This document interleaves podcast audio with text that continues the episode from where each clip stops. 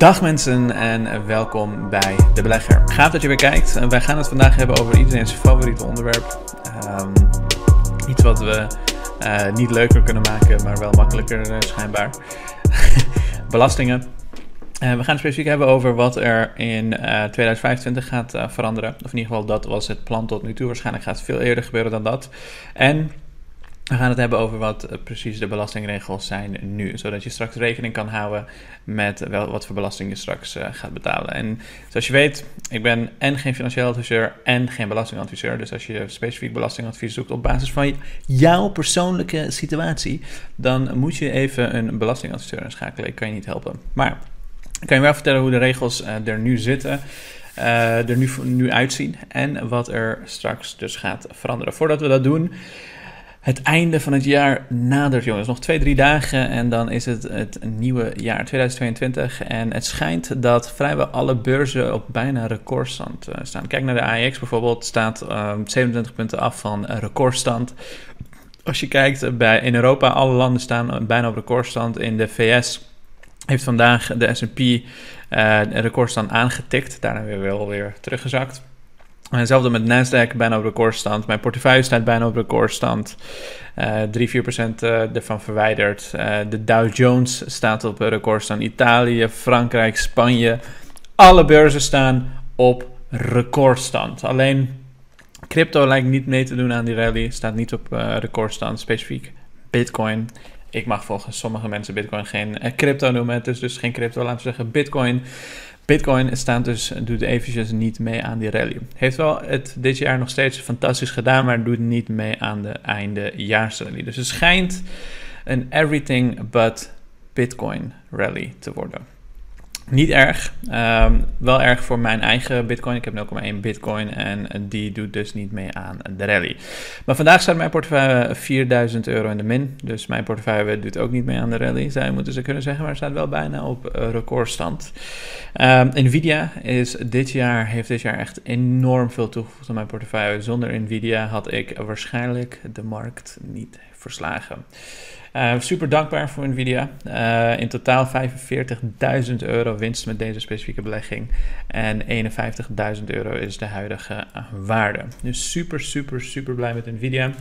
En voor alle aandeelhouders, voor alle mensen die het in de community bezitten, heel erg gefeliciteerd. Van harte gefeliciteerd, want dit heeft ervoor gezorgd dat we dit jaar een gigantisch rendement hebben, hebben kunnen boeken. In ieder geval ik uh, persoonlijk. Anyways, laten we verder gaan naar de uh, de, de allerleukste gedeelte van het jaar, namelijk belastingen. Uh, laten we even kijken eerst wat, hoe de belastingstelsel in Nederland werkt. Ik ga je even een voorbeeld laten zien. Er zijn eigenlijk drie dingen waar je rekening mee moet houden. Het is super, Nederland heeft een van de makkelijkste belastingstelsels ter wereld.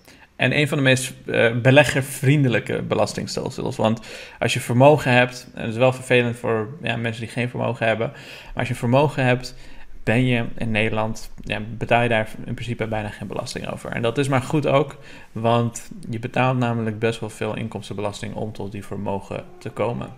Dus als je ook nog eens daarover heel veel belasting moest gaan betalen, ja, dan wordt het een vervelend, uh, vervelende tijd. Maar goed, laten we even kijken hoe de belastingstelsel in elkaar zit. Het is heel simpel. Um, je kan onder drie soorten categorieën vallen. Uh, laten we zeggen, je valt tussen de 50.000 en de 100.000. Of je valt tussen de 100.000 en een miljoen. Of meer dan een miljoen. Uh, laten we zeggen, je valt hier tussen. Dan gaat de Belastingdienst ervan uit dat je in uh, dit jaar Um, een fictief rendement. Hè? Dus uh, ze, ze, zeggen iedereen die tussen die vermogen zit, uh, gaat waarschijnlijk 1,9% rendement halen. En dat belasten we met 31%. Dus dan kom je uit op 0,59% um, belasting wat je in totaal betaalt als je in die bracket zit. Dus laten we zeggen je hebt 50k of laten we zeggen je hebt 70k, dan betaal je dus 0,59% belasting daarover. Hetzelfde geldt voor mensen die hierin zitten, die betalen 1,4%. Mensen die meer dan een miljoen hebben, betalen 1,76%. En het gaat erom dus wat je op 1 januari van vorig jaar had op je uh, nou, aan vermogen had, laat ik het zo zeggen. Dus heel simpel en uh, tegelijkertijd ook vervelend voor mensen die dus niet beleggen. Want stel je bent een spaarder, je hebt geen beleggingen, maar je bent een spaarder. En uh, je hebt gewoon, laten we zeggen, uh, ja, laten we zeggen 150k. Dan betaal je gewoon 1 per 4% over die 150k. Daarnaast betaal je een negatieve rente bij de bank. En inflatie neemt ook nog eens 5%. Dus dan ben je gewoon, wat is het, bijna 6, 7 procent of zo dit jaar alleen al kwijt aan al dat soort zaken zonder dat je er iets mee hebt gedaan. Dus je zou kunnen zeggen, waarom, je bent gek als je spaart, ja, maar het is ook uh, schijnbaar tegen de wet. Want zoals je ziet, 24 december zegt de RTL Nieuws, klap voor de Belastingdienst spaartax in strijd met de wet. Belastingbetalers die in 2017 en 2018 vermogenstaks over een spaargeld hebben betaald, kunnen geld gaan terugclaimen van de Belastingdienst. De overheid heeft namelijk te veel belasting gegeven, oordeelt het Hoge Raad, een rest met hoge impact. En dit gaat er dus voor zorgen dat Nederland waarschijnlijk veel eerder dan verwacht een nieuwe belastingssysteem krijgt als het beleggen en sparen aankomt. Een echtpaar die uh, deze zaak onderdeel van een zogenoemde massaal bezwarenprocedure. ging om een echtpaar met een gezamenlijk vermogen van ongeveer 1 miljoen euro. Goed gedaan, echtpaar. De rente was in 2017-18 net als nu historisch laag. Ze belegde amper, daardoor heeft het echtpaar weinig aan het vermogen kunnen verdienen. Hoe het precies zit, tot 2017 ging de belasting. Nou, laten we dit even niet lezen. Uh, maar kortom, de echtpaar zegt: Wij zijn gewoon een spaarder. Wij zijn dit jaar na inflatie, na een, negatieve uh, rente op uh, onze spaarrekening en na een gigantische uh, percentage voor vermogenstax of vermogensbelasting. Zet, hou op. Sorry. dat was mijn kat die gekke dingen aan het doen was. Maar Um, heel simpel, deze echtpaar die zegt dus, wij hebben 1 miljoen uh, euro en wij betalen ons dood aan belastingen. Wij hebben geen fictief rendement van, uh, laten we zeggen, 4% zoals de Belastingdienst dat zegt. Wij betalen eigenlijk gewoon 10%, 7% aan inflatie, aan vermogenstaks, aan allerlei verschillende zaken. negatieve rente en dat is oneerlijk en daar heeft de rechter mee ingestemd. De rechter heeft gezegd... Dat klopt, dat mag niet. En dat betekent dus waarschijnlijk een snellere verandering dan verwacht. En die verandering die houdt in dat je veel meer gaat betalen. Dus eh, de Belastingdienst wil waarschijnlijk niet meer gaan kijken naar een fictief rendement. Nee, zij zeggen niet, jij hebt maar, eh, laten we zeggen, 4% rendement eh, behaald dit jaar. Nee, wij gaan kijken naar wat je specifiek aan rendement hebt behaald. Er zijn verschillende voorstellen. Um, hier zie je er vier. Um, variant A gaat uit van een actuele rendement. Bij sparen zou dan gekeken worden naar de gemiddelde rente over twee jaar in plaats van af huidige vijf jaar. Variant B gaat ervan uit dat alles tot en met 100.000 euro belast wordt als spaargeld, dus zonder rendement uit beleggingen. Een combinatie van variant A en B of het verhogen van de vrijstelling van de huidige 25.000 uh, naar 30.000 of 35.000. Dus al deze verschillende voorstellen, die kan je, um, die, ja, die, die kan je een beetje uh, gaan uitzoeken hoe dat uh, specifiek voor jouw uh, scenario zal zijn. Dit vind ik niet eens zo erg. Ik vind dit helemaal niet zo heftig als dat, dat er wordt verteld. Um, het huidige systeem lijkt echter maar een tussenstap op weg naar een systeem waarbij belasting wordt gegeven over de werkelijke rendement. Want kijk, dit, dit is gewoon een, een, een tijdelijk systeem wat eventueel zou kunnen worden uitgevoerd. Dus uh, omdat natuurlijk uh, wat de Belastingdienst tot nu toe niet, niet gewoon illegaal is volgens de rechter, gaan ze waarschijnlijk zoiets als dit implementeren, een van deze vier zaken. Maar wel op korte termijn. Uh, maar op lange termijn is werkelijke rendement uh, een, een, pijnlijke kwestie voor de meeste beleggers. Zeker als je, net als iemand als ik, veel risico neemt om veel rendement te halen, dan kan je best wel fikse belastingen betalen.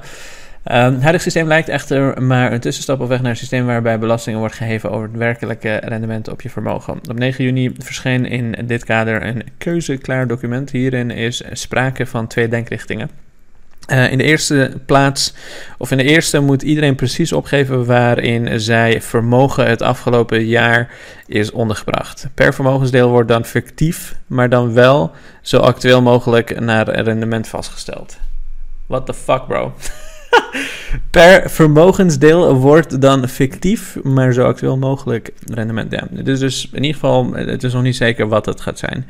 Het betekent dus een gepersonaliseerde variant uh, van het huidige stelsel die meer rekening houdt met het individu. Dus ik denk wat er gaat gebeuren is als we gewoon simpelweg gaan kijken naar, hey, uh, zoals een, ja, een soort Amerikaans model waarbij je, uh, laten we zeggen, iedere verkooptransactie wordt dan een taxable event. Dus uh, laten we zeggen, je hebt Tesla gekocht voor 10k, die is nu 100k waard. Uh, dat betekent dat je 90.000 euro rendement hebt en daar betaal je dan 30% over wanneer je het verkoopt. Dat is hoe het in Amerika werkt, dat is waarschijnlijk ook hoe het hier straks gaat werken. Dus in plaats van dat je 1,7% betaalt in het ergste geval, betaal je in dat geval ja, dus laten we zeggen, je, hebt, je had een ton.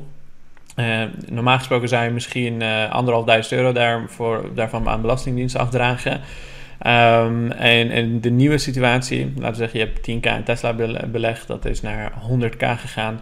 Dan betaal je over die 90.000 euro, dus 30%. En dat kan toch wel flink aantikken. Dat zou betekenen dat je um, uh, ruim 27.000 euro aan belasting betaald. En dat, ja jongens, uh, dat, dat, dat, dat wordt uh, pijnlijk straks als dat daadwerkelijk wordt toegevoegd. Wel eerlijker, wel, maar wel pijnlijk. zeker als je veel winst behaalt. Um, maar goed, het is wel zo, letterlijk in de rest van de wereld is dat zo. In het Nederlandse systeem was dat nu toe een van de meest vriendelijke ooit. Maar goed, meer beleggers op de markt en de Belastingdienst wil daar natuurlijk ook van kunnen profiteren. Dus ergens ook niet gek.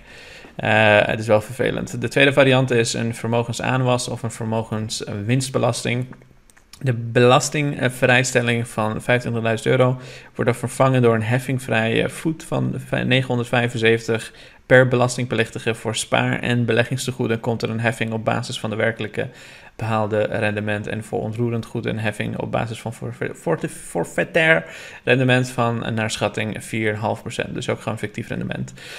Dat tweede, dat zou fantastisch zijn. Want de tweede variant is een vermogensaanwas of een vermogenswinstbelasting. Ehm, de belastingvrijstelling van 25.000 euro wordt dan vervangen door de heffingsvrije voet van 950 per 975 eh, per belastingplichtige. Um, ja, ik snap die tweede niet echt heel goed. Maar oh, het, klinkt in ieder geval veel beter dan wat er tot nu toe, um, uh, tot nu toe wordt voorgesteld. Um, dat is in ieder geval wat ik tot nu toe weet. Dat is um, wat er waarschijnlijk gaat gebeuren. Beide varianten kunnen in ieder geval niet in 2022 worden uh, ingevoerd, zoals dit artikel ook zegt, volgens het ministerie van Financiën. Maar de initiële plan was 2025, dus over vier jaar, uh, drie jaar inmiddels. Um, maar dat betekent dus wel dat het waarschijnlijk veel eerder komt. En daarmee hebben we de aflevering van vandaag ook behandeld. Voor de mensen die al mijn video's tot het einde bekijken, um, zorg dat je de kortingscode kerst in hoofdletters gebruikt als je lid wil worden. Want dan maak je namelijk, dan krijg je best wel een hele mooie korting. Dus gebruik de kortingscode kerst om lid te worden. Alleen tot het einde van dit jaar geldig. En ik zie je bij de volgende aflevering.